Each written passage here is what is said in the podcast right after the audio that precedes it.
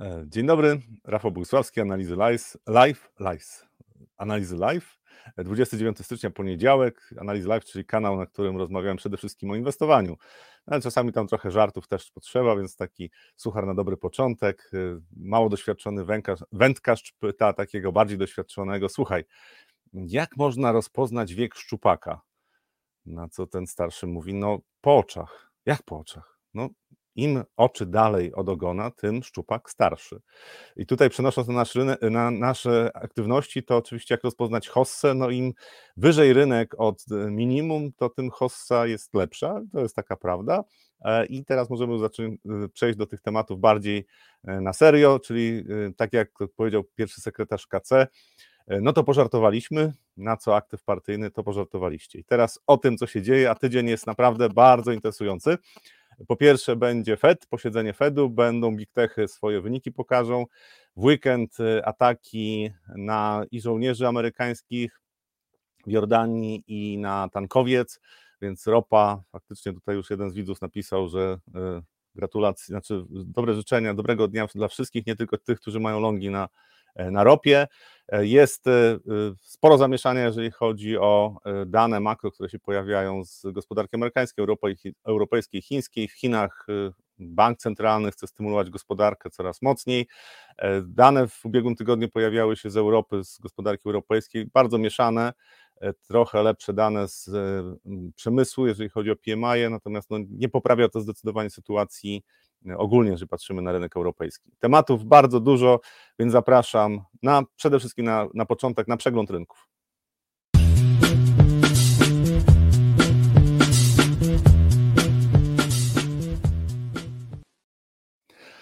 I zacząłbym od wykresu funt-dolar. E, w, w, ubiegłym tygodniu obiecałem, że pokażę tą parę walutową, co tu może się wydarzyć ciekawego. E, funt-dolar to jest tutaj wykres miesięczny, czyli bardzo długoterminowa perspektywa i warto spojrzeć czasami na to, co się dzieje na takich parach walutowych istotnych E, w dłuższym dystansie, nie tam kilku dni, kilku tygodni czy kilku miesięcy, ale naprawdę takim trochę dłuższym. E, jak się cofniemy do lat 70., to tam nawet 2,5 dolara e, za funta płacono, no ale od tego czasu trend jest dość jednoznaczny, więc tutaj bym zwrócił uwagę na to, co się wydarzyło po 2007 roku. 2003-2007 to było umocnienie funta, to też osłabienie dolara, natomiast tutaj po tym załamaniu funt już nie wrócił do łask inwestorów, czyli siła funta cały czas maleje do dolara. E, I e, z tej perspektywy, patrząc na to, co się wydarzyło tutaj, tu była panika, odreagowanie, to ten ruch odreagowania tutaj, no to nie, nie jest niczym niezwykłym. Znaczy tutaj też takie ruchy odreagowania były. Ja zakładam, że e, rynek, ten rynek pójdzie do dołu, czyli fund zacznie słabnąć w perspektywie kilku miesięcy, być może teraz w najbliższej perspektywie, jeżeli zrealizuje mój scenariusz, zakładam trochę pogorszenia sytuacji na e, giełdach, czyli risk off takie delikatne. Ta, ta para walutowa też reaguje podobnie jak euro-dolar e, na, e, na pogorszenie sentymentu na rynkach światowych, czyli dolar się umacnia, euro słabnie, funt też słabnie. Zwrócił uwagę, w ogóle to jest taka bardzo rzadko pokazywana para walutowa, albo euro GBP, albo GBP euro, czyli funt euro, zwrócił uwagę na to, co się dzieje od 5 lat, 6 lat. Trend boczny. Tutaj dużo więcej się działo wcześniej na funcie, e, wówczas, kiedy Wielka Brytania była w Unii Europejskiej. Paradoksalnie od czasu, jak już nie jest w Unii Europejskiej, to tutaj się niewiele dzieje, czyli funt jest traktowany prawie tak samo jak euro i ten trend boczny naprawdę może się utrzymać bardzo długo, więc analizowanie e, funt-dolar faktycznie za chwilę sprowadza się do analizowania tego, co się dzieje na euro dolarze. Natomiast jak popatrzymy na dla odmiany bardzo krótkoterminowy y, y, wykres, czyli dwugodzinne notowania, e, to mamy praktycznie od drugiej połowy grudnia mamy e, taką mamy 1,26, 1,28 z jedną próbą wybicia ponad ten poziom. Teraz co, co to oznacza? No na razie mm, trend boczny, dopóki y, y, inwestorzy nie zdecydują się na jakiś silniejszy ruch w jedną albo w drugą stronę, no to ten trend boczny może potrwać jeszcze kilka tygodni co najmniej. E, natomiast dlaczego ten trend boczny? Bo tutaj e, tu były oczekiwania, że Fed będzie jeszcze w grudniu, tak były oczekiwania, że Fed będzie pierwszym bankiem centralnym, który zacznie obniżać dużych banków centralnych, czyli Europejski Bank Centralny angielski bank centralny cały czas też jest kwalifikowany jako duży bank centralny, e, że Fed będzie pierwszym z tych banków, który zacznie obniżać stopy procentowe i będzie obniżał je szybciej niż Europejski Bank Centralny i angielski bank centralny. Natomiast okazało się, że gospodarka amerykańska jest dużo silniejsza i niekoniecznie Fed będzie obniżał te, te stopy w takim tempie, jak rynek zakładał. Co oznacza, że no, paliwo do tego, żeby y, funt zaczął rosnąć, to jest w tej chwili no, mocno wątpliwe, czy faktycznie ten scenariusz zostanie zrealizowany. Tutaj uwaga na temat tego, co porusza rynkami walutowymi. I te rynki są dość skomplikowane, ponieważ e, to nie jest tak, że mm, jak na rynku akcyjnym zazwyczaj, że albo napływy kapitału, znaczy zwiększenie płynności na rynku przez Fed, albo poprawa wyników gospodarczych, to są dwa parametry, które możemy analizować i generalnie już wiemy, czy rynek amerykański będzie akcyjny rósł czy spadał. E, oczywiście pomijam kwestię e, przegrzania rynku, tak, takich ruchów korekcyjnych, ale generalnie te dwie siły dość dobrze obrazują, co się dzieje na rynku e, akcji w Stanach Zjednoczonych. Jak patrzymy na rynek walutowy, to po pierwsze stopy procentowe, ale też oczekiwania różnica w stopach procentowych pomiędzy dwoma rynkami, dwoma gospodarkami, oczekiwania co do przyszłych y, stóp procentowych, przepływy kapitałów, psychologia, czyli nastawienie do rynku wynikające pośrednio też z risk off, risk on, e, siła gospodarki, tak, to też do silniejszej gospodarki napływa więcej kapitałów, no i jeszcze kilka elementów można wymienić. Ta układanka jest dużo bardziej skomplikowana. E, i tutaj widać od półtora miesiąca w zasadzie brakuje argumentów jednej i drugiej stronie, żeby prowadzić silniejszy ruch w jedną czy drugą stronę. Czego ja się spodziewam? Ja się spodziewam, że może być jeszcze jedna próba, e, przejdźmy na wykres dzienny, może być jeszcze jedna próba wybicia rynku w górę, gdyby okazało się, że na przykład przyszły tydzień jest pozytywny, bo Fed zaskoczy gołębim komunikatem, Powell w środę będzie e, spo, e, spowiadał na konferencji, tak chciałem powiedzieć, ale będzie wypowiadał się na konferencji i będzie odpowiadał na pytania. Jeżeli będzie gołębi wystąpienie, no to może dolar może się osłabić. I tutaj jeszcze jeden ruch wzrostowy, nawet 1,29 może być osiągnięty, natomiast bardziej bym się spodziewał mimo wszystko, że Powell nie zaskoczy gołębio i z tej konsolidacji spodziewam się, że wrócimy do spadków. To znaczy, ja uważam, że trend dominujący na tym rynku to jest trend spadkowy e, i to było tylko dragowanie tak, po, po bardzo gwałtownej wyprzedaży, panice. Tutaj rynek poszedł za daleko, za szybko, wrócił do poziomu 1,30 nad 1, ponad, ponad 1,30, ale według mnie jesteśmy w trendzie spadkowym, który będzie się utrzymał przez kolejne miesiące. E, I to jest, e, no, to, jest moje spojrzenie na rynek. I tutaj przede wszystkim według mnie będzie miało znaczenie to, że gospodarka amerykańska jest dużo silniejsza i będzie dużo silniejsza niż gospodarka brytyjska. E, I w związku z tym wcześniej czy później napływ kapitałów do, Wielkiej, do Stanów Zjednoczonych będzie większy i szybszy niż E, do Wielkiej Brytanii, a Wielka Brytania będzie miała swoje problemy gospodarcze, bo już ma. I to, co na razie jeszcze powstrzymuje silniejsze umocnienie dolara, to jest mm, zwiększanie płynności na rynku przez Fed, bo Fed de facto, pomimo że wyprzedaje portfel obligacji, to zwiększa płynność na rynku międzybankowym i gigantyczny deficyt budżetowy w Stanach, czyli stymulacja fiskalna, czyli dolarów jest więcej na rynku. I to są dwie siły, które, które utrzymują w tej chwili inne waluty w takich trendach bocznych, tak? Tutaj nie ma, nie ma już e, specjalnie umocnienia, natomiast ten trend też nie jest e, e, spadkowy dla dolara. W najbliższym czasie spodziewam się, że nastąpi wyjaśnienie tej sytuacji. Zakładam, że powiedzmy za miesiąc, półtora jesteśmy niżej, tak, niż jesteśmy tutaj. Być może już w tym tygodniu zaczynają się spadki. Ta środa może być takim dniem przełomowym. Jeżeli Fed będzie jastrzębi, no to prawdopodobnie tutaj może mieć pierwszy impuls spadkowy już na tym rynku, tylko zwróćmy uwagę, że e, pary walutowe, zresztą inne rynki też tak się poruszają, że po takich fazach dynamicznych ruchów trendowych przychodzą takie fazy konsolidacji, jak tutaj już, tak na przykład. E, I teraz ta konsolidacja może potrwać jeszcze dłużej. I dość często, jak rynek wychodzi z takiej konsolidacji, to najpierw mamy e, przełamanie, powiedzmy tutaj jeden, poziom 1,25 to jest taki poziom, przy którym jeżeli rynek by zaczął spadać, to bym się spodziewał, że tutaj popyt się zacznie pojawiać. Czyli pierwsza faza spadkowa, potem odreagowanie i dopiero właściwa faza spadkowa i to może trwać kilka miesięcy. Im dłużej trwa taka konsolidacja, trend boczny, tym potem sama zmiana trendu może zajmować więcej czasu, ale za to potem ruch może być jeszcze bardziej dynamiczny. Znaczy to może się okazać, że to jest bardzo, bardzo silny ruch po wybiciu z takiej konsolidacji długotrwałej, również na rynkach akcyjnych, na rynkach obligacji też takie zależności istnieją, że jak długa konsolidacja następuje wybicie, no to faktycznie bardzo wielu inwestorów potem zaczyna się angażować, zwiększa ten impet ruchu, jeżeli mówimy o takim rynku. Więc tutaj E, o, Zachary Zarian. Na, w kuncie piękny klin opadający będziemy mieć silnego funta, ale jak ktoś woli, strong cable. E, trend opadający. No to bardzo ciekawe. E, gdzie Zachary dostrzegł ten trend opadający? Klin opadający, przepraszam. Bo jeżeli popatrzymy tak, jeżeli popatrzymy w długim terminie, no to tutaj to, to raczej jest trójkąt równonamienny, jeżeli tutaj bym rysował tak, tak. Natomiast jeżeli popatrzymy w krótkim terminie, E, to tutaj to raczej nie jest e, klin opadający, tak? No to w żaden sposób. Klin opadający to jest coś takiego, o, to ja narysuję dla osób, które nie znają analizy technicznej. Szczyty coraz niżej e, i dołki też coraz niżej, tak? Czyli tutaj musielibyśmy mieć on, musielibyśmy się czymś takim poruszać, tak? I tutaj następuje moment zwrotny, wybicie i pójście w górę. Więc tutaj jest na razie ten boczny. Ja nie widzę tu klina.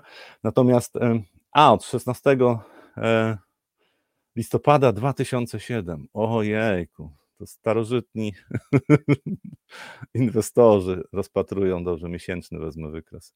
2007, proszę bardzo. E, no jeżeli, jeżeli w, tej, w ten sposób będziemy patrzyli, no to faktycznie tak trend y, klin opadający, tylko że ja to patrzę na to trochę inaczej, zwłaszcza przy tak długich trendach, jak tutaj mamy, y, że to obrazuje e, silny trend spadkowy, tak? Te wychylenia tutaj, to oczywiście analiza techniczna jest bardzo y, subiektywną sposobem analizowania rynków, że tutaj po prostu rynek poszedł za daleko, tutaj poszedł też za daleko w stosunku do tego, jaka była relatywna siła e, gospodarki funta w tym, w tym czasie. Natomiast tutaj można równie dobrze narysować taki kanał, który. O. Tak. I w tym czasie po prostu rynek porusza się w tym kanale e, spadkowym, krótkoter bardziej krótkoterminowo i to może trwać jeszcze długo, czyli jesteśmy tutaj bardziej bliżej górnego ograniczenia tego kanału e, spadkowego i ten za chwilę nastąpi przełom i kolejne spadki. Według mnie będziemy poniżej parytetu. E, więc ja mam zupełnie inną wizję niż e, Zachary, ale oczywiście to jest subiektywne spojrzenie. Dobrze, waluty, y, to tylko jeszcze pokażę funt, y, mm, e, funt złoty. Tutaj no to praktycznie to można euro-dolara analizować w, w, ostatnim, w ostatnich pięciu latach. Mniej więcej wygląda, znaczy euro, euro złoty, tak? Wygląda podobnie, natomiast tutaj mamy ewidentnie trend spadkowy cały czas.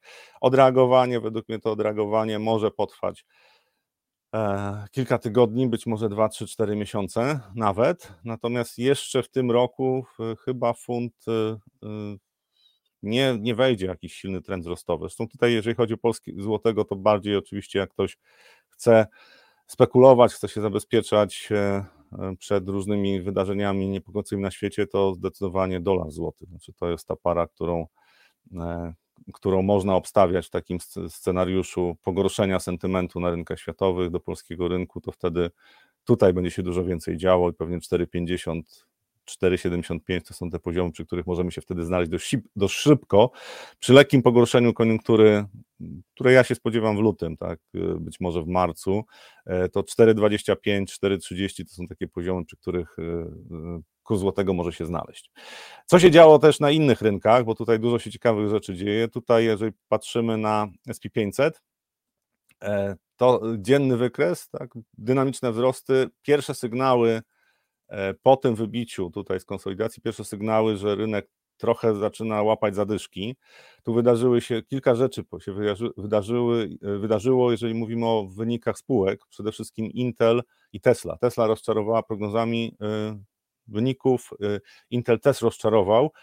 Intel spowodował wyprzedaż na wejście w korektę, tak, bo Intel spadł tak ponad 10%, natomiast inne spółki, producenci mikroprocesorów e, też złapały zadyszkę, te, spółki, e, ale wcześniej były gigantyczne wzrosty. W zasadzie e, mikroprocesory ciągnęły rynek tutaj, znaczy duże spółki plus mikroprocesory, czyli sztuczna inteligencja i, i mikroprocesory to było coś, co sprawiło, że tutaj był dynamiczny wzrost, natomiast tutaj ostatnie dni no, to jest wyhamowanie ewidentnie tej tendencji. Warto też brać poprawkę na to, że krótkoterminowo to oczywiście posiedzenie Fedu będzie miało znaczenie, bardzo duże znaczenie, środowe, środowa sesja i tutaj po tym się może naprawdę zmienność zdecydowanie e, poprawić, jeżeli mówimy o tym rynku. Natomiast faktem jest, że tutaj te ostatnie dni to jest wyhamowanie rynku. WIG20 dla odmiany po takich no, w początku roku dużo słabszym niż rynek amerykański, też dużo słabszy niż rynek europejski. W piątek była próba odbicia na bankach, znaczy odbicie było na bankach, natomiast na razie ten rynek wydaje mi się, że może być słaby jeszcze przez pewien czas, e, relatywnie do innych rynków. E, no bo wcześniej te wzrosty były też imponujące. Natomiast zwracam uwagę na, e, na DAX-a, bo to jest rynek, który po prostu no, podziwiam, podziwiam. Coraz gorsze dane z gospodarki. E, słabe perspektywy, a DAX cały czas w trendzie wzrostowym, to są dzienne wykresy, tak, za, za chwilę tutaj znowu przy szczytach czasów. E, i ma się całkiem dobrze, czyli gospodarka niedobrze, a e, rynek całkiem dobrze. Można to wyjaśnić, znaczy to spółki to niekoniecznie jest gospodarka, znaczy zwłaszcza spółki niemieckie, to nie, nie, nie, nie wszystkie spółki zależą od tego, co się dzieje w Niemczech, te, które są w DAX 40, bo kiedyś był 30, teraz jest 40, nie ma nic stałego e, w gospodarce i na rynkach. E, natomiast e, siła tego rynku dla mnie mimo wszystko jest zaskakująca, biorąc poprawkę na to, co się dzieje w Europie, tak? bo oczywiście spółki niemieckie z eksportu mają dużo przychodów, ale mimo wszystko to słabość strefy euro, słabość Europy to nie jest coś, co powinno aż tak przyciągać inwestorów, jak to przyciąga. No tak się dzieje nie ma, y, nie ma e, po co z tym dyskutować, natomiast zwróćmy uwagę na y, to, co się dzieje na ropie naftowej. Tutaj tygodniowy wykres, ale może dzienny wykres bym pokazał najpierw. Ropa naftowa, tutaj konsolidacja, tutaj było informacje tutaj o tym, że hedge fundy właśnie zmniejszyły e, długie pozycje na, e, spekulanci zmniejszyli długie pozycje na, na ropie, no i mamy wzrosty. Oczywiście to jest pochodna tego, co się dzieje na Bliskim Wschodzie. W weekend były informacje o tym, że e, po pierwsze został zaatakowany w piątek, zaatakowany tankowiec rakietami, a w soboty na soboty na niedzielę chyba albo z piątku na sobotę, nie, soboty na niedzielę, e, że został e, e, zaatakowana baza wojskowa na terenie Jordanii i, i były podejrzenia, że to Iran, natomiast Iran się od tego odżegnuje, za chwilę o tym więcej powiem, natomiast tutaj to wybicie no, ewidentnie jest kwestie polityczne, ale w związku z tym, że tutaj był słaby sentyment do ropy, to szansa na to, że ten trend jeszcze przez pewien czas się będzie utrzymywał wzrostowy jest dość duża. Oczywiście to nie znaczy, że tutaj cały czas będzie wzrosty. Ja bym bardziej liczył na to, że będzie cofnięcie rynku gdzieś 75 dolarów i dopiero kolejny próba podniesienia rynku, e, takie poziomy istotne to 82 dolary, no i wyżej 95 dolarów, tak?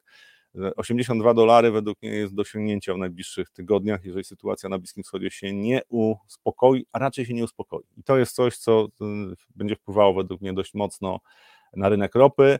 E, też ciekawe rzeczy się dzieją na giełdach chińskich, natomiast tutaj to, to, to silne takie wzrosty, to jest Shanghai kompozytowy, te silne wzrosty to są dzienne, dzienne mm, wzrosty, tak, tutaj te świece to są dzienne wzrosty. E, to była reakcja przede wszystkim na informacje, które dopływały z Chin, jeżeli chodzi o zamierzenia banku centralnego i zamierzenia rządu. Są kolejne informacje, które się pojawiały w weekend, jakie plany, w ubiegłym tygodniu jeszcze w weekend się pojawiło trochę informacji, jakie plany ma bank centralny, który chce stymulować gospodarkę, natomiast y, no widać dzisiaj już y, Shanghai już nie jest tak silny, tutaj y, realizacja zysków, jak popatrzymy też na, na trend, który tutaj dominuje, no to mamy trend, który jest ewidentnie trendem spadkowym, to jest coś, co na razie wróciliśmy, tak, bo po mm, może E, wróciliśmy do e, tego trendu spadkowego, tak mniej więcej. Znaczy tu jeszcze trochę jest przestrzeni, ale generalnie to tutaj był rynek bardzo mocno wyprzedany, dużo negatywnych informacji, więc odbicie było możliwe. Według mnie jest szansa na to, że tutaj po jakimś ruchu powrotnym, znaczy w dół jeszcze przez chwilę i potem E, Shanghai kompozytowy pójdzie jeszcze w górę powyżej 3000 punktów e, i, i to potrwa jeszcze kilka miesięcy. Natomiast dlaczego e, Chiny w dłuższej perspektywie według mnie nie są zbyt atrakcyjne inwestycyjnie, no to o tym, o tym za chwilę. Warto patrzeć też no, oczywiście na Nasdaqa, też silny trend wzrostowy, który tutaj w ostatnich dniach już napotkał trochę problemów. To, to, to oczywiście i duże spółki, mm, i e, duże spółki technologiczne, ale też e, pogorszenie sentymentu trochę na, e, na, na, producentach mikroprocesorów, no to spowodowało, że to jest realizacja zysków mała na razie, ale to może być zapowiedź większej nerwowości w najbliższym czasie. Więc jeżeli chodzi o, o rynki, to chyba to, aha, jeszcze chciałem złoto pokazać, bo złoto jest w bardzo ciekawej sytuacji. Tutaj dzisiaj mamy lekkie wzrosty złota, natomiast ta konsolidacja tutaj trwa już dość długo i znowu trochę dłuższej perspektywy patrząc, jeżeli złoto w najbliższym czasie nie wykorzysta e, tych poziomów, na których tej chwili jesteśmy do kolejnej fazy wzrostowej, to będzie rosło ryzyko tego, że jednak prze, przełamiemy w dół 2000 dolarów i wtedy pewnie zejście poniżej 1900 dolarów będzie e, prawdopodobne. To jest pytanie oczywiście, mm, jak dużo spekulantów w tej chwili już wierzy, że za chwilę będzie kolejny wzrost, bo jeżeli za dużo, to niedobrze, bo tutaj nadal e, duże banki komercyjne potrafią zbić kurs złota i będzie jeszcze jedna fala rozczarowania. Nieco dłuższej perspektywie, ja wiem, że o tym powtarzam dość często, ale co nieco dłuższej perspektywie złoto będzie według mnie rosło, to znaczy powyżej 3000 dolarów, 3500 tysiąca dolarów to złoto się znajdzie, tylko pytanie, kiedy zacznie się ten e, właściwy ruch, no to jest pytanie dość trudne, zwłaszcza jeżeli mówimy o złocie. Więc o tyle, jeżeli chodzi o przegląd e, rynków na wykresach, natomiast teraz e, już to, co się pojawia w prasie i zacznę od tego Iranu i tego, co się dzieje na Bliskim Wschodzie, Iran się, dystansu, Iran się dystansuje od tego ataku, który został dronami za, przeprowadzony na jednostkę amerykańską w Jordanii. Tam trzech żołnierzy zginęło. E, kilkanaście osób jest rannych. E, natomiast no, w związku z tym, że reakcja administracji amerykańskiej była dość nerwowa, no to Iran e, twierdzi, że oni nie mają z tym nic wspólnego, natomiast no, to jest kolejny argument za tym, że tam spokojnie w najbliższym czasie nie będzie. Też ten atak na tankowiec, który nastąpił, to jest kolejna E, kolejny sygnał ostrzegawczy, że e, w najbliższym czasie mało prawdopodobne jest, żeby normalna żegluga została przywrócona na Morzu Czerwonym, czyli krótko mówiąc, kanał Suezki nadal będzie praktycznie niewykorzystany. To oznacza, że koszty frachtu idą w górę. Koszty frachtu już wzrosły morskiego o 100%. Y, tak? Od, te, od tego, co było dwa miesiące temu, jesteśmy 100% wyżej. Oczywiście to nie są te poziomy, które były w 2020-2021 roku, natomiast ten wzrost y, kosztów frachtów no to jest też coś, co podbije inflację, plus wzrost ceny y, ropy naftowej to też podbije inflację. Oczywiście administracja Bidena przekonuje, że i Fed przekonują, że to wzrost cen ropy naftowej nie będzie miało przełożenia na wzrost inflacji. E, natomiast jeżeli e, wzrost cen ropy e, utrzyma się, czyli ropa będzie szła w stronę 80 dolarów i potem utrzyma się na tych poziomach przez kilka miesięcy, to będzie miało wpływ na inflację. Czyli trudno będzie, Fed będzie miał duży kłopot, żeby przyjąć bardziej gołębią retorykę, raczej przy tak silnej gospodarce będzie w pułapce, której nie będzie dobrego wyjścia. To znaczy, ja zaraz trochę o tym więcej powiem. Natomiast y, y, temat tytułowy, co się dzieje, jeżeli patrzymy na y, dwie największe gospodarki, czyli Stany Zjednoczone i Chiny. I to jest bardzo ciekawe z punktu widzenia tego, jak można interpretować różnie dane, ponieważ jest coś takiego jak parytet siły nabywczej, czyli porównuje się gospodarki krajów takich jak Stany czy Chiny poprzez siłę nabywczą. I tutaj oczywiście inflacja ma duże znaczenie, ale to jest, porównuje się mniej więcej e, siłę nabywczą tak, obywateli w obu krajach i wtedy się wylicza, jaka wartość jest gospodarki. No i, i Chiny, Stany Zjednoczone przy tym parytecie siły nabywczej to już Stany pokonały tam parę lat temu i mają tą gospodarkę większą, natomiast w ujęciu dolarowym no niekoniecznie. E, I e, w ostatnich miesiącach okazuje się, że zwłaszcza jeżeli popatrzymy na wzrost gospodarki, to nominalny, czyli bez uwzględnienia inflacji, to w Stanach Zjednoczonych ten wzrost w ubiegłym roku przekroczył 6,3%, natomiast e, w Chinach tylko 4,6% oni mają deflację. I te, e, jeżeli kurs walutowy się gwałtownie nie zmienia, a kurs dolar-jen się gwałtownie nie zmienia, to oznacza, że gospodarka amerykańska rośnie szybciej w ujęciu dolarowym e, niż gospodarka chińska. I ta gospodarka chińska znowu traci dystans do gospodarki amerykańskiej. Tak? To jest taka tendencja, która tu w ujęciu dolarowym, jak popatrzymy, to, to ma miejsce no, już od 2020 2022 roku, 2023 i 2024 może być kolejnym rokiem, w którym y, gospodarka chińska niekoniecznie będzie rosła szybciej. Znaczy pewnie nie będzie, nie będzie tutaj y, spadek tego udziału gospodarki chińskiej w porównaniu z gospodarką y, amerykańską, natomiast e, to jest tendencja, która na pewno niepokoi e, decydentów chińskich, ponieważ oczywiście parytet siły nabywczej parytetem siły nabywczej, ale jeżeli popatrzymy na znaczenie danego kraju w gospodarce światowej, to z zakupów dokonuje się w dolarze. Jeżeli kupujemy ropę, surowce, to kupujemy w dolarze. Więc to, że Amerykanie mają walutę, która jest walutą rozliczeniową i się w tej walucie porównuje na przykład wielkość gospodarek, no to punkt dla nich, natomiast ma to sens, żeby jednak w ujęciu dolarowym, czyli jakim, przy jakimś twardym kursie walutowym porównać siłę gospodarek, znaczy siłę oddziaływania na gospodarkę światową. I ta gospodarka amerykańska ma dużo większą siłę oddziaływania na gospodarkę światową cały czas niż gospodarka chińska. Tu dla przykładu, to też Bloomberg o tym mówi, że w ubiegłym roku amerykański, o tutaj, amerykański produkt PKB e, e, produkt krajowy brutto wzrósł o 1,6 biliona dolarów w ciągu roku. I to jest prawie tyle, co, cała, co wyprodukowała gospodarka Korei Południowej w 2022 roku. To pokazuje, jakie znaczenie mają te największe kraje, czyli e, Stany, Chiny, Japonia, Niemcy, ale Niemcy, no, w związku z tym, że tutaj nie ma wzrostu gospodarczego, no to Niemcy mają trochę mniejsze znaczenie dla podtrzymania koniunktury na świecie. Natomiast te trzy kraje E, Stany, Chiny, Japonia to jest po prostu to jest e, A-klasa, tak? a takie kraje jak Korea Południowa e, czy Polska, no to powiedzmy tam B-klasa, ewentualnie C-klasa, takie nomenklatura sportowa. I jakie z tego wnioski? No, w najbliższym czasie mało prawdopodobne, żeby Chiny zaczęły gwałtownie zmniejszać ten dystans, jeżeli chodzi o gospodarkę, wielkość gospodarki w ujęciu dolarowym. Nie sądzę, żeby yuan był w stanie szybko zyskiwać do dolara, a wzrost gospodarczy i w Stanach, i w Chinach e, w tej chwili e, w najbliższym czasie według mnie będzie oczkiem w głowie i banków centralnych, i rządów. I to ma duże konsekwencje dla prognoz na najbliższe dwa lata, powiedzmy.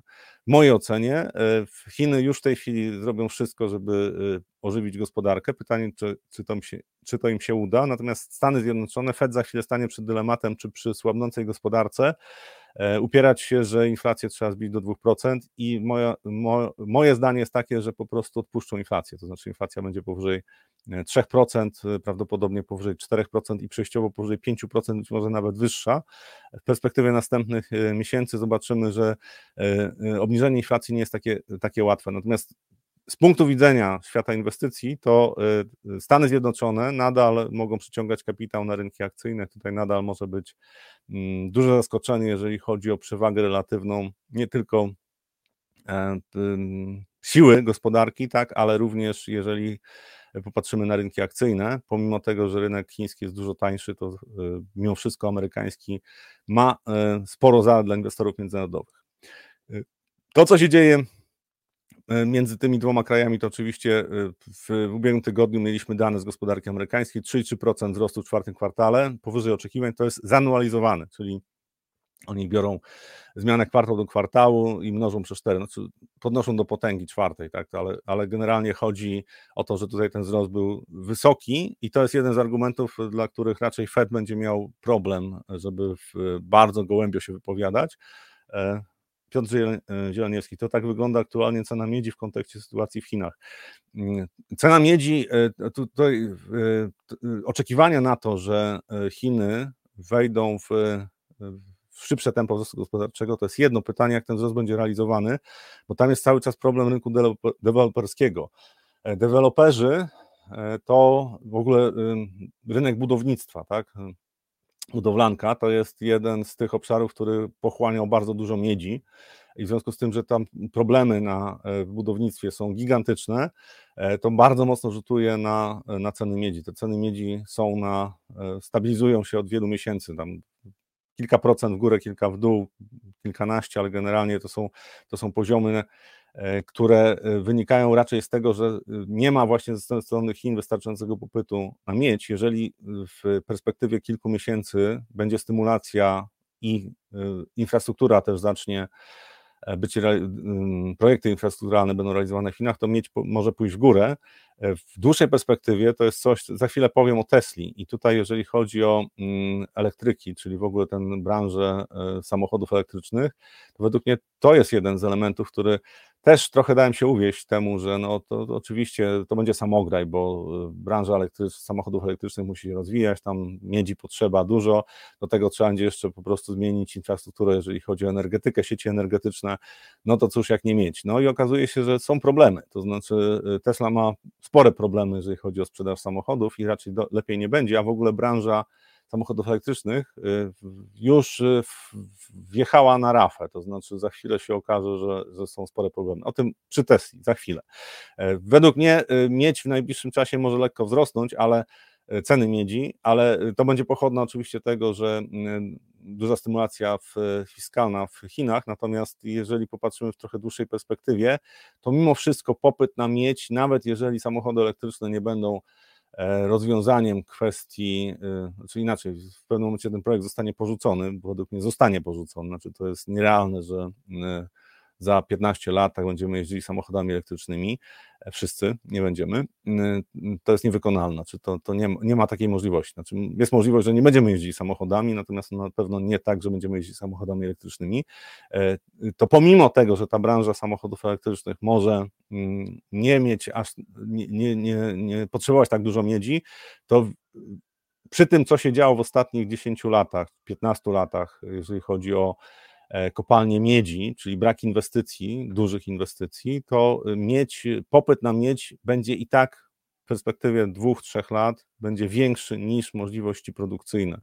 E, I to jest coś, co według mnie sprawi, że miedź będzie w trendzie wzrostowym, i, I, po tej konsolidacji teraz, którą, którą mamy, to pewnie następne lata będą wzrostowe. Pytanie, czy już ten rok, czy, czy następny? Wydaje mi się, że już ten rok i tutaj to, co może zrobić rząd chiński i bank centralny to jest jednak coś, co może zmienić postrzeganie w ogóle rynku miedzi czy popytu na, na, na surowce i, i wzrost cen surowców, nie tylko miedzi, może nastąpić już w tym roku. To oczywiście byłoby źle dla e, tych, którzy oczekują, że inflacja będzie na niskich poziomach. W ubiegłym tygodniu dane o PKB w Stanach e, wygląda to dobrze z punktu widzenia wzrostu gospodarczego. Oczywiście hamowanie gospodarki już jest pytanie, jak będzie to wyglądało w pierwszym i drugim kwartale, to znaczy e, hamowanie tempa wzrostu i tutaj widać, że jednak rynek pracy wykazuje pewne oznaki osłabienia. To nie wynika z tego raportu o PKB, natomiast wynika z raportów dotyczących rynku pracy, więc e, zwracam uwagę na to, że optymizm, który w tej chwili przejawiają analitycy, jeżeli chodzi o PKB czy wzrost gospodarczy w Stanach Zjednoczonych na ten rok jest dość wysoki, a są pewne zagrożenia, że i, i pra, prawdopodobnie ten wzrost tutaj w czwartym kwartale był wyższy niż będzie wzrost w pierwszym kwartale tego roku.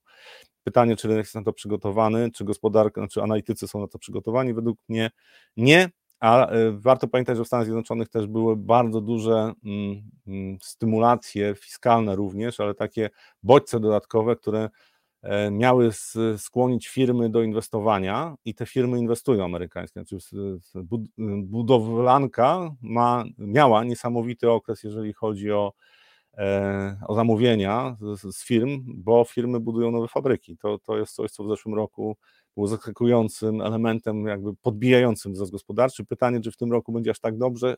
Raczej nie. Znaczy, źle nie będzie, ale y, Wysokie stopy procentowe jednak będą odciskały swoje piętno na, na inwestycjach firm i zakładam, że po prostu będzie lekkie rozczarowanie, jeżeli chodzi o, e, o ten rok, jeżeli mówimy o wynikach spółek, jeżeli mówimy też o wzroście gospodarczym. Co się dzieje w Chinach? Tutaj e, o tym zacząłem mówić. E, więcej stymulacji, ale takiej zogniskowanej na poszczególne obszary. Tu bank chiński zapowiedział, że będą obniżki stóp procentowych, E,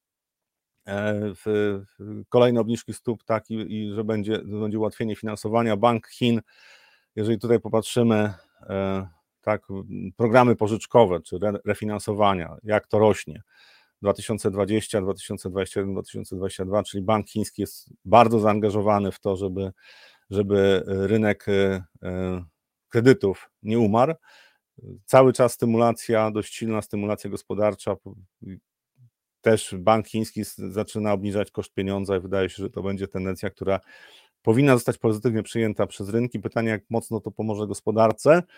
No nie wiem, y, zobaczymy, bo tutaj oczywiście cały czas się pojawią pytania, czy już warto kupować e, e, akcje chińskie, bo mm, odwrócili się od akcji, Chiń, od akcji również Chińczycy, to znaczy patrząc na to, jak wyglądają w tej chwili e, notowania akcji chińskich, to pomimo tego, że mm, e, jest dobra koniunktura na rynku obligacji, to wyceny e, akcji są w porównaniu z, ze stopami, znaczy z rentownościami obligacji, to wyceny akcji są najniższe w historii, znaczy najniższe od czasu transformacji gospodarczej, powiedzmy od lat 90., więc te akcje są bardzo tanie historycznie, więc jest szansa na to, że tutaj kapitał zacznie wracać, ale są również zagrożenia dotyczące e, a tutaj właśnie jest artykuł o tym, że te lokalne fundusze wybierają bezpieczeństwo, czyli obligacje, i tutaj faktycznie, o, tutaj też jest taki wykres pokazujący, jak się zachowuje e, rynek akcji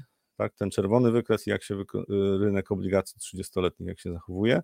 E, oczywiście to nie są rentowności, tylko zachowanie portfela. I tutaj wyceny, tak, czyli wycena rynku akcji w stosunku do obligacji, no jesteśmy na takich poziomach, na których jeszcze nie byliśmy, tak, znaczy to lata 90. to w zasadzie już nie powinno się brać pod uwagę, bo to była inna gospodarka. Ale gdzie są zagrożenia? E, Evergrande, czyli ten deweloper, który pada, pada i upaść nie może, prawdopodobnie no jednak będzie upadał, bo y, y, sąd z Hongkongu tak tutaj likwidację zaczyna. Pytanie, czy to nie, nie zostanie jeszcze jakoś powstrzymane, ale generalnie dzisiaj 21% spadku akcji Evergrande. Pytanie, co się będzie działo dalej? No myślę, że będzie nerwowo. Znaczy to jest w ogóle rynek nieruchomości w Chinach, to jest coś, co w najbliższym czasie będzie mocno szarpało nerwy inwestorów. Nie ma tam łatwego rozwiązania. Znaczy, samo wpompowanie pieniędzy w rynek nieruchomości nie rozwiązuje problemów, może je odroczyć w czasie, natomiast strukturalne te problemy będą się utrzymywały jeszcze przez wiele lat. E, co zrobi Fed? Fed czy mm, w tym tygodniu, w środę, decyzja o stopach prawdopodobnie nie będzie zmiany stóp procentowych, natomiast ważniejsze będzie to, co powie Powell. Czy będzie, e, czy będzie zapowiadał obniżki stóp e, wprost, obniżki stóp w marcu i kolejne obniżki stóp, e, czy powie, że po ostatnich danych z gospodarki jednak będzie Fed będzie ostrożniejszy w obniżaniu stóp procentowych? I są sygnały też na, o inflacji, bo w ubiegłym tygodniu mieliśmy dane PCE, to jest taka ulubiona miara Fedu, jeżeli chodzi o inflację, tam są pewne sygnały ostrzegawcze, zaraz o tym powiem. Dla odmiany y, w strefie euro mieliśmy w y, ubiegłym tygodniu PMI. -e. Patrząc na to, co się pojawiło y, z Niemiec, Francji i strefy euro, to PMI przemysłowe były trochę lepsze od oczekiwań, oczekiwań, ale poniżej 50 punktów, więc tutaj nie ma przełomu. Jest trochę się chyba mm, menedżerzy logistyki przyzwyczaili do tego, że sytuacja nie jest najlepsza, więc już nie dramatyzują, ale generalnie tutaj nie ma, nie ma przełomu.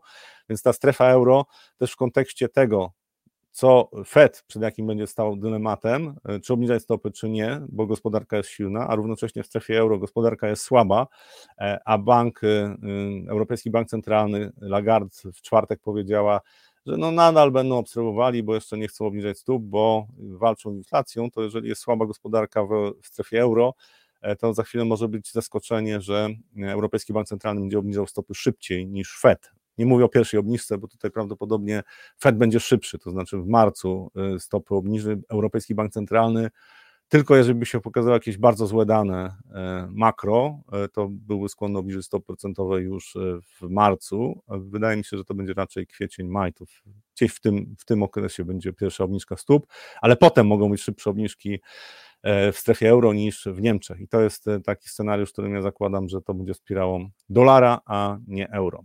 Niemcy, i tutaj taki żartobliwy artykuł, zresztą Bloomberg ostatnio się popisuje takimi żartobliwymi może sucharami, no. w każdym razie, że dokładnie Niemcy są chorym człowiekiem e, Europy i to wynika właśnie e, z tego artykułu, to jest informacja o tym, jak wielu Niemców idzie na zwolnienia chorobowe e, i że ogranicza to wzrost gospodarki. Natomiast oczywiście to jest chory człowiek Europy, to wynika również to powiedzenie z tego, że gospodarka niemiecka ma poważne problemy i raczej te problemy będzie miała w najbliższym czasie. Natomiast skąd tak wielu chorych w Niemczech? Według mnie to jest też kwestia e, właśnie pogarszającej się koniunktury. Znaczy ludzie w Niemczech są coraz mniej e, zadowoleni z sytuacji gospodarczej i to wszystkie te wskaźniki, tam między innymi IFO, tak, e, pokazują, że jest źle, że po prostu sentyment konsumentów też nie jest na wysokim poziomie, ale w gospodarce też nie jest najlepiej. I wtedy ludzie są skłonni, żeby po prostu pójść trochę odpocząć na zwolnieniu lekarskim. Oczywiście nie kwestionuję tego, że znaczna część z nich jest naprawdę chora, e, natomiast część po prostu chce odpocząć, ale to też ma negatywny wpływ na wzrost gospodarczy w Niemczech, więc tutaj warto, warto czasami spojrzeć na to e, właśnie przez perspektywę tego, że póki co jeszcze e, gospodarkę budują ludzie. To znaczy, zanim maszyny wyłącznie będą budowały gospodarkę, to myślę, że no, pomimo tego, że córce obiecałem, że dożyję setki, to mogę tego nie doczekać, że tylko maszyny będą e, budowały gospodarkę. Wykresy, jeżeli chodzi o, o, o gospodarkę światową, tak, no to zwracam uwagę na to, co się będzie działo tutaj Europejski Bank Centralny, który utrzymał stopy procentowe na niezmienionym poziomie i tutaj bym patrzył przez pryzmat oczekiwań rynkowych. To być może w środę o tym trochę więcej e, powiem. Jakie są oczekiwania na e, e, obniżki stóp procentowych w Stanach i w Europie? No, dobry pretekst, bo w środę Fed posiedzenie ma, więc tutaj te oczekiwania się zmieniają w ostatnim czasie. E, dotyczące tempa obniżek stóp procentowych. Natomiast według mnie e, Europejski Bank Centralny będzie miał dużo większe problemy, wyzwania, jeżeli chodzi o utrzymanie strefy euro w całości, bo tutaj przy słabnięciu gospodarki to wcześniej czy później te problemy się zaczną ujawniać.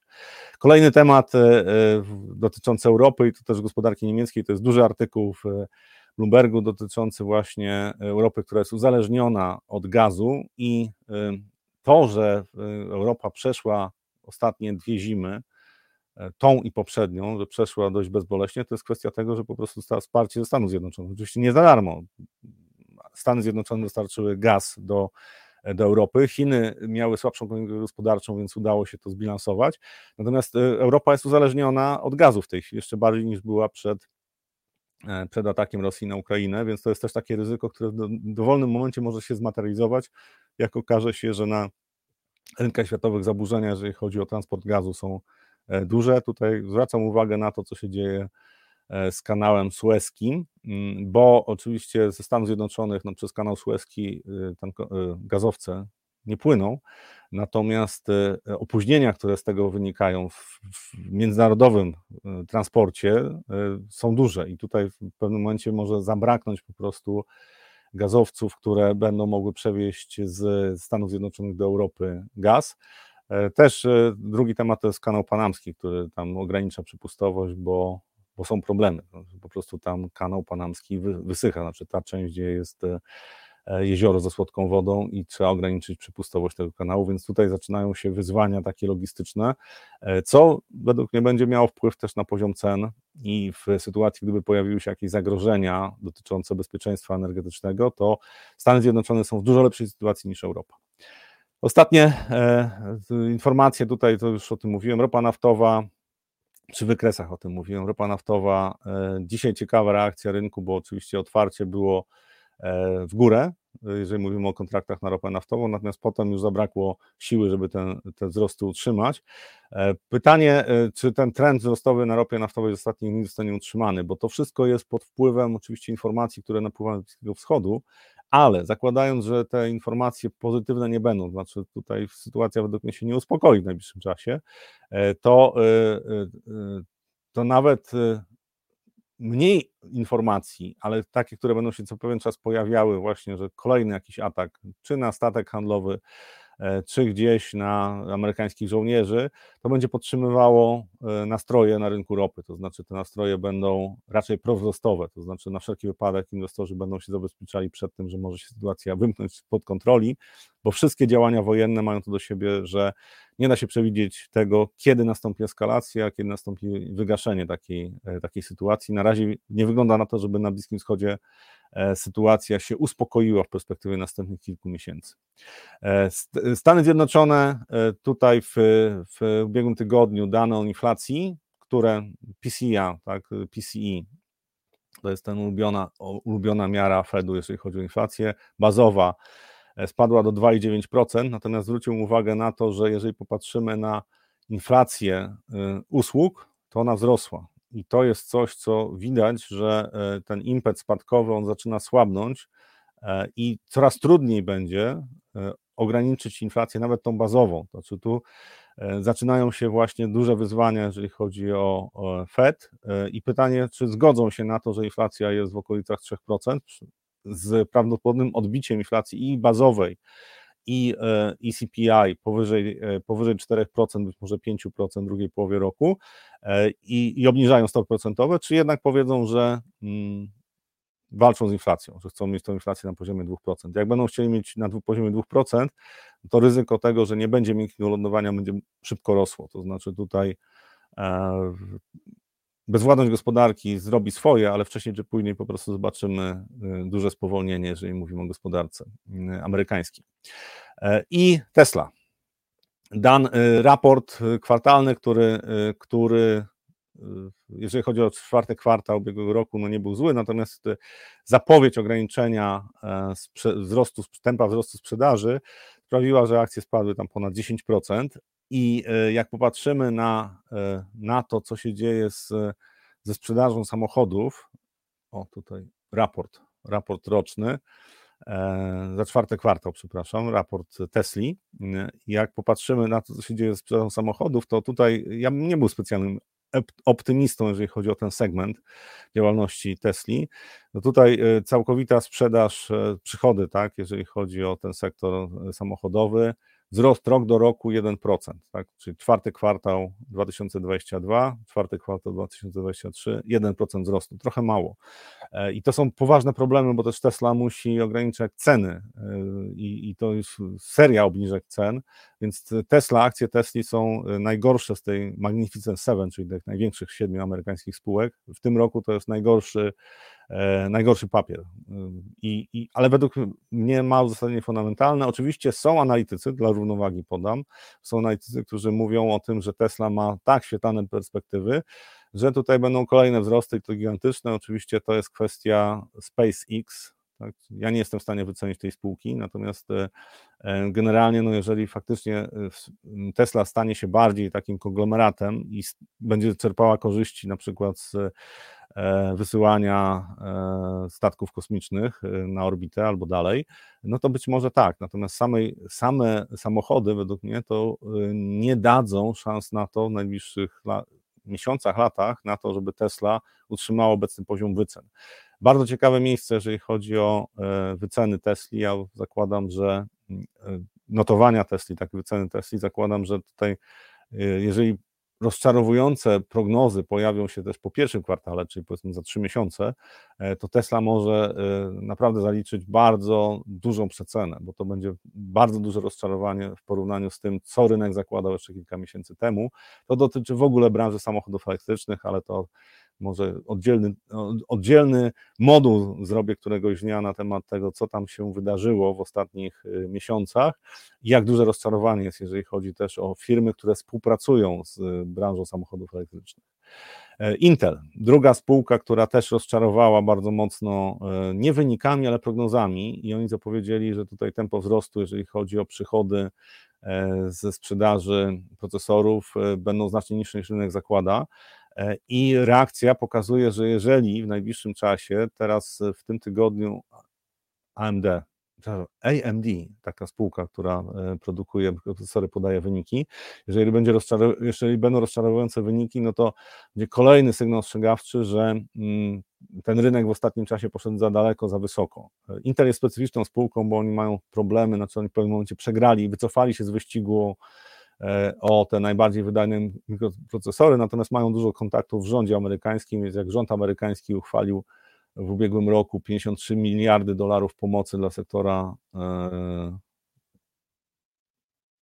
półprzewodników, to e, oczywiście Intel poszedł w górę, bo oni tam będą głównym beneficjentem tych, tych pieniędzy, tych inwestycji. Natomiast pytanie, czy są w stanie się odbudować. Natomiast to, co, to, co w tej chwili widać, no to to, że następuje weryfikacja rynkowa, więc tutaj dane E, finansowe za naj, z dużych spółek, tych, które produkują e, mikroprocesory, no, będą szybko weryfikowane przez rynek i te weryfikacje mogą być e, duże. Natomiast na szczęście albo na nieszczęście Nvidia podaje wyniki pod koniec lutego, więc mamy jeszcze 4 tygodnie do, do tego czasu, ale te wyniki będą oczekiwane pewnie z dużym z wypiekami na twarzy. Znaczy, wszyscy będą się zastanawiali, jak długo Nvidia może rosnąć w takim tempie, jak rosła w ostatnim roku. To są najważniejsze rzeczy, które się pojawiły w, w ostatnich dniach. W tym tygodniu Fed to jest chyba najważniejsze wydarzenie. Cztery duże spółki technologiczne: Alphabet, Microsoft jutro, Amazon i Apple w czwartek podają wyniki. Oczywiście tych wyników spółek jest tam dużo więcej. Sezon wyników trwa, natomiast to, te, te duże spółki zadecydują według mnie o koniunkturze w najbliższych dniach. W trochę dłuższej perspektywie zwracam uwagę na to, jak, w jakim tempie będą się, będzie się rozwijała gospodarka amerykańska, w jakim tempie europejska i czy faktycznie ta stymulacja fiskalna i monetarna w Chinach będzie, e, będzie kontynuowana, e, bo widać, że rząd chiński w tej chwili już stara się zrobić wrażenie, ale też podeprzeć to działaniami, żeby inwestorzy trochę zmienili negatywną opinię o Chinach. Czy im się to uda, nie wiem rynek nieruchomości cały czas w Chinach będzie nas straszył. E, bardzo ciekawy tydzień. E, zapraszam na środę. Jutro live'a nie ma. Zapraszam na środę 8.45. E, obie, ob, tak jak obiecałem, trochę więcej o Europejskim Banku Centralnym i o Fedzie, jeżeli chodzi o zmiany też prognoz stóp procentowych na najbliższe miesiące, bo tutaj to ma spore znaczenie też dla kursów walutowych, też dla złotego na koniunktury gospodarczej, więc to są tematy, które przy okazji e, spodziewanego w środę wystąpienia Powella warto się przygotować wcześniej, żebyśmy nie byli za mocno zaskoczeni. Bardzo dziękuję za dzisiaj i zapraszam na środę.